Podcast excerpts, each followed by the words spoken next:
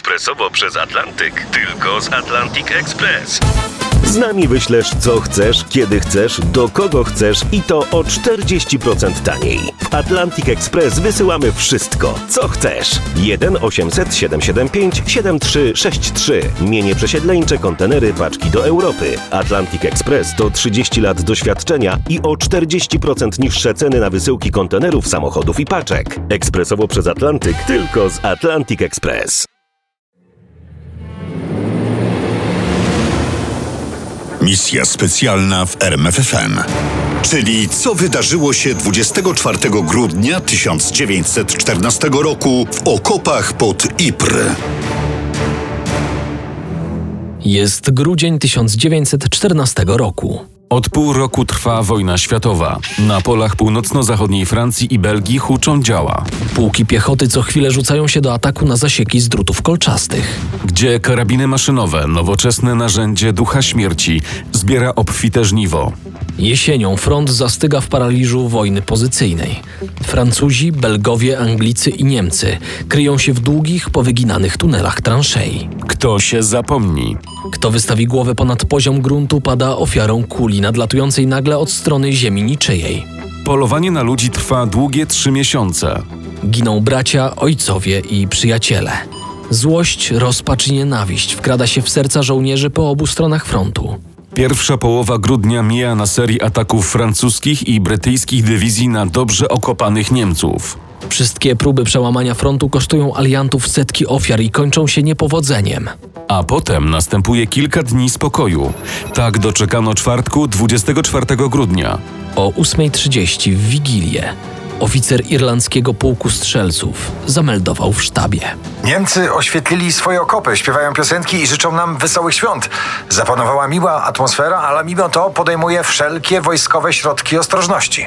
Meldunek został przyjęty, a zakaz fraternizacji podtrzymany przez generałów. A jednak mimo zakazów powtarzanych przez oficerów, brytyjscy żołnierze zareagowali szybko. Już po chwili z okopu do okopu leciały życzenia po angielsku i po niemiecku. W okopach brytyjskich zapanował chaos.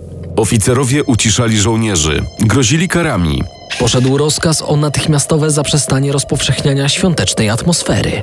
Lecz już nikt ich nie słuchał. Nie mogliśmy powstrzymać się przed składaniem sobie życzeń wesołych świąt, mimo że zaraz potem moglibyśmy skoczyć sobie do gardeł. Wspominał szeregowiec Frederick Heath. Krew i pokój, wrogość i braterstwo.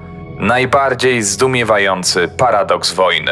Tymczasem od strony niemieckich okopów dolatywały takty kolendy. Na co Anglicy odpowiedzieli The First Noel.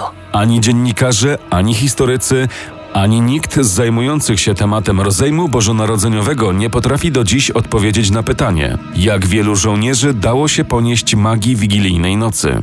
Przyjęto, że byli to przede wszystkim żołnierze frontu wojsk brytyjskich. Zauważyli jednak, że po drugiej niemieckiej stronie frontu znajdowały się pułki saksońskie. Jesteśmy Saksończykami! Wy Anglosasami! O co mamy walczyć? Wołał pewien żołnierz saksoński.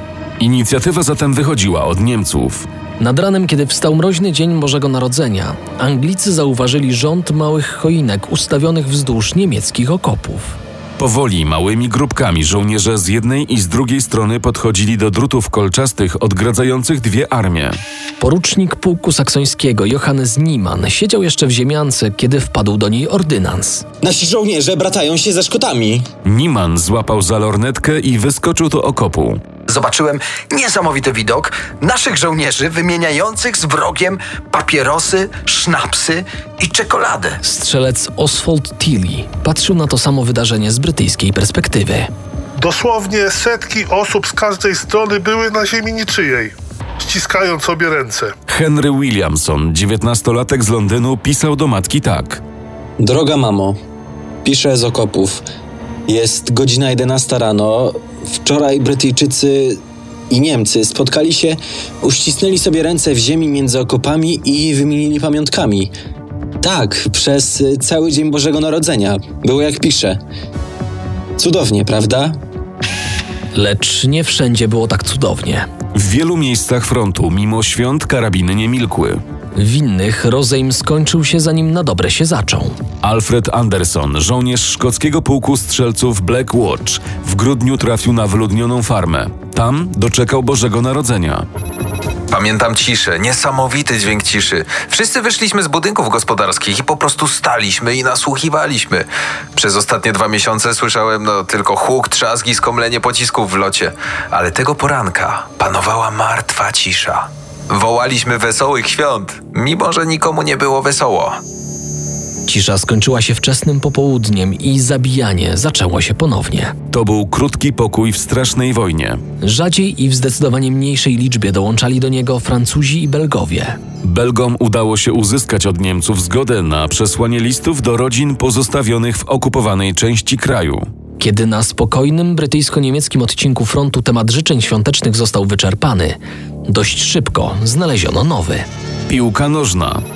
Pojawił się szkocki żołnierz z piłką. Wspominał porucznik Niemann. Kilka minut później rozpoczął się prawdziwy mecz piłkarski. Na boisko wybrali pasy ziemi niczyjej między zasiekami brytyjskiej i niemieckiej armii. Bramki zrobiono metodą podwórkową z kamieni, jakichś hełmów czy bluz, tak aby były widoczne na biało-burym tle murawy. Kapitanowie przygotowywali drużyny do pierwszego międzynarodowego meczu towarzyskiego. Nie było łatwo grać na zamarzniętej ziemi, a jednak graliśmy. Rygorystycznie przestrzegając zasad, mimo że mecz trwał tylko godzinę i nie mieliśmy sędziego. Niemcy wygrali 3 do 2. Ale to nie był jedyny mecz tego dnia. Szkocki pułk pokonał Niemców 4 do 1 pod Ypres, Pruski pułk zremisował z Anglikami. A pod Letuket Anglicy przegrali 2 do 3. Tymczasem wiadomości o meczach piłkarskich doszły do sztabów i wywołały niepokój. A nawet niezadowolenie. Kiedy nasz dowódca usłyszał o tym, wysłał rozkaz, że musimy to powstrzymać. Nieco później wróciliśmy do naszych okopów i bratanie się skończyło. Pewien Szkot miał powiedzieć na pożegnanie do pewnego Niemca: Dziś mamy pokój. Jutro ty walczysz za swój kraj, ja walczę za swój. Powodzenia. Oficerowie dywizji po obu stronach frontu zapewniali sztaby generałów, że fraternizacja już się więcej nie powtórzy. I nie powtórzyła się. 26 grudnia o wpół do dziewiątej rano. Trzy strzały ostrzegawcze oddane z brytyjskiego rewolweru zakończyły rozejm bożonarodzeniowy. Niemcy podziękowali ogromną tablicą z napisem Thank you. Lecz tego dnia nie było jeszcze ostrej wymiany ognia. Jeszcze nie odezwała się artyleria, ale magia świąt traciła moc. Jeszcze do nowego roku na niektórych odcinkach frontu panował spokój. Były to jednak tylko wyjątki. Ta eksplozja ludzkich uczuć, jakże normalnych w czasie pokoju, zdarzyła się tylko raz. Rok później, w 1915 roku, na polach Ypres, do pojednania bożonarodzeniowego nie doszło. Podobnie było w następnych latach I wojny światowej i w czasie kolejnego konfliktu światowego. Owszem, kroniki zapamiętały odruchy ponadfrontowej Solidarności, ale zdarzały się one sporadycznie i na małą skalę. Polski komandos Maciej Zajączkowski, weteran walk we Włoszech zimą 1943 roku, wspominał epizod powrotu z pewnego patrolu za linię nieprzyjaciela. Wycięliśmy trzy niewielkie świerczki. No i patrol objuczony tym niecodziennym bagażem ruszył w górę. Baliśmy się, bo to było na otwartej przestrzeni. Normalnie szybko ją przebiegaliśmy lub czołgaliśmy się, ale z choinkami. No, to raczej ciężko. Zatem w środku krwawej wojny trzy postacie z drzewkami na ramionach szły prosto, nie kryjąc się wcale, wystawiane na ogień niemieckiej artylerii lub ciężkich moździerzy. Obserwatorzy we wsi z biciem serca czekali na odgłos rozrywających się pocisków. Wreszcie patrol zniknął wśród ruin pierwszych domów. Czyżby Niemcy nic nie zauważyli? A może strzelać nie chcieli. Misja specjalna w RMFFM. Na tropie największych tajemnic historii.